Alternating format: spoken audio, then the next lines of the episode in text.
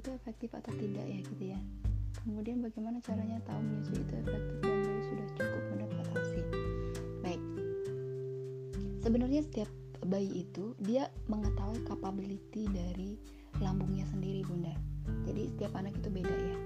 Namun memang paling bagus lagi lapar-laparnya adalah di 15 sampai dengan 30 menit pertama. Makanya uh, sering akan bunda mendapat informasi bahwa uh, paling bagus menyusui 15-30 menit pertama. Tapi sebenarnya nggak jadi masalah juga ketika misalnya dia lebih dari itu bun. Tapi warning lebih dari 30 menit memang kita lihat kembali nilai kembali. Kecenderungan bayinya apa? Hanya mencari nyaman. Kalau bayi masih terus nyedot ya nggak jadi masalah tapi nyedotnya lihat dulu ya bun beda dia benar-benar nyedot karena lapar sama enggak. Nah reaksi kita mengetahui bayi itu masih uh, sudah kenyang atau enggak lihat respon tangannya. Ketika dia lapar dia akan mengepal. Ketika dia sudah kenyang dia akan tangannya jauh lebih rileks. Artinya ketika dia tangannya sudah jauh lebih rileks tapi bayi tetap masih menyusu bisa dimengerti ya? Berarti bayinya hanya mencari nyaman. Kemudian tanda kecukupan uh, asi ya kemudian uh, tanda bahwa IC kemudian uh, cara menyusui yang efektif ya cara menyusui efektif ya susui sesering mungkin. Sesering mungkin semau bayi. Nggak usah di pola-pola nggak usah dijadwal-jadwal kecuali bunda pantu kalau bami ya boleh dijadwal. Tapi kalau untuk menyusui sesuka bayi direct itu adalah sesuka bayi semau bayi. 15 menit lagi dia mau lagi nggak apa-apa. Karena fase di 0 sampai dengan 6 bulan itu fase growth spurt di mana bayi itu pertumbuhannya cepat. Jadi dia butuh asupan cukup lebih banyak karena otot-ototnya mulai meregang memanjang. Dia butuh energi dia butuh uh, nutrisi untuk membantu proses tumbuh kembangnya. Jadi ada beberapa bayi untuk yang fase itu kadang dia tidurnya lebih lama atau tidurnya sebentar-sebentar pengen nyusu terus. Itu salah satu khasnya. Kemudian kalau untuk efektivitasnya tadi sudah saya sampaikan efektifnya adalah sesuka bayi semau bayi nyong kita sebutnya. Ya on demand. Berarti nggak perlu harus dibatasi uh, nggak perlu harus dijadwal sesuka bayi kecuali bunda pumping kemudian uh, tanda kecukupan bayi uh, kecukupan asi kalau tanda kecukupan asi salah satunya adalah produksi asinya itu uh, cukup untuk bayi. Bayi punya kapasitas lambung ya bun. Sudah saya jelaskan sebelumnya jadi fesesnya biasanya warna kuning bagus. Ada butir-butiran berwarna kayak putih-putih itu bagus.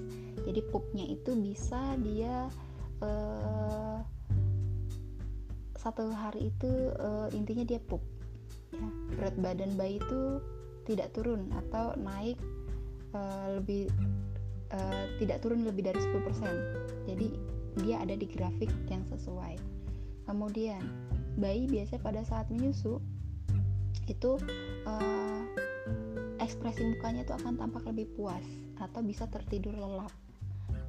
Kemudian uh, frekuensi buang air besar uh, eh, BAK-nya itu bisa lebih dari enam kali dalam sehari. Kemudian urinnya warnanya jernih, enggak kuning pekat atau kental ya. Kemudian uh, uh, apa uh, yang warnanya juga uh, ada butiran-butiran halus ya itu nggak jadi masalah.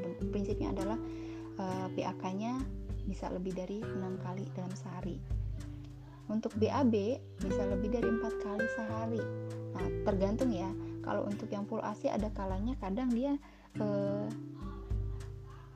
kadang empat hari nggak. BAB itu nggak jadi masalah enam hari nggak. BAB nggak jadi masalah karena si partikel-partikel ASI itu dia karena saking kecilnya itu bisa diserap oleh seluruh tubuh dan masuk ke dalam seluruh tubuh bayi dan di uh, apa ya diserap dengan sangat baik. Makanya untuk kenaikan berat badannya jauh lebih baik.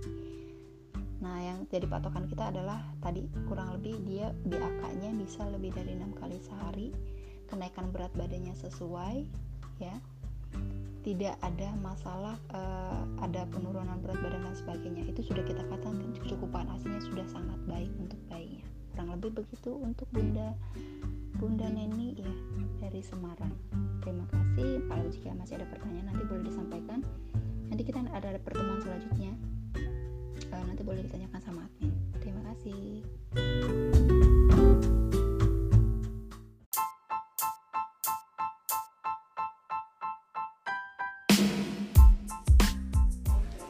Selamat datang di channel podcast EBSCO Center bersama Bunda Julianti, founder EBSCO.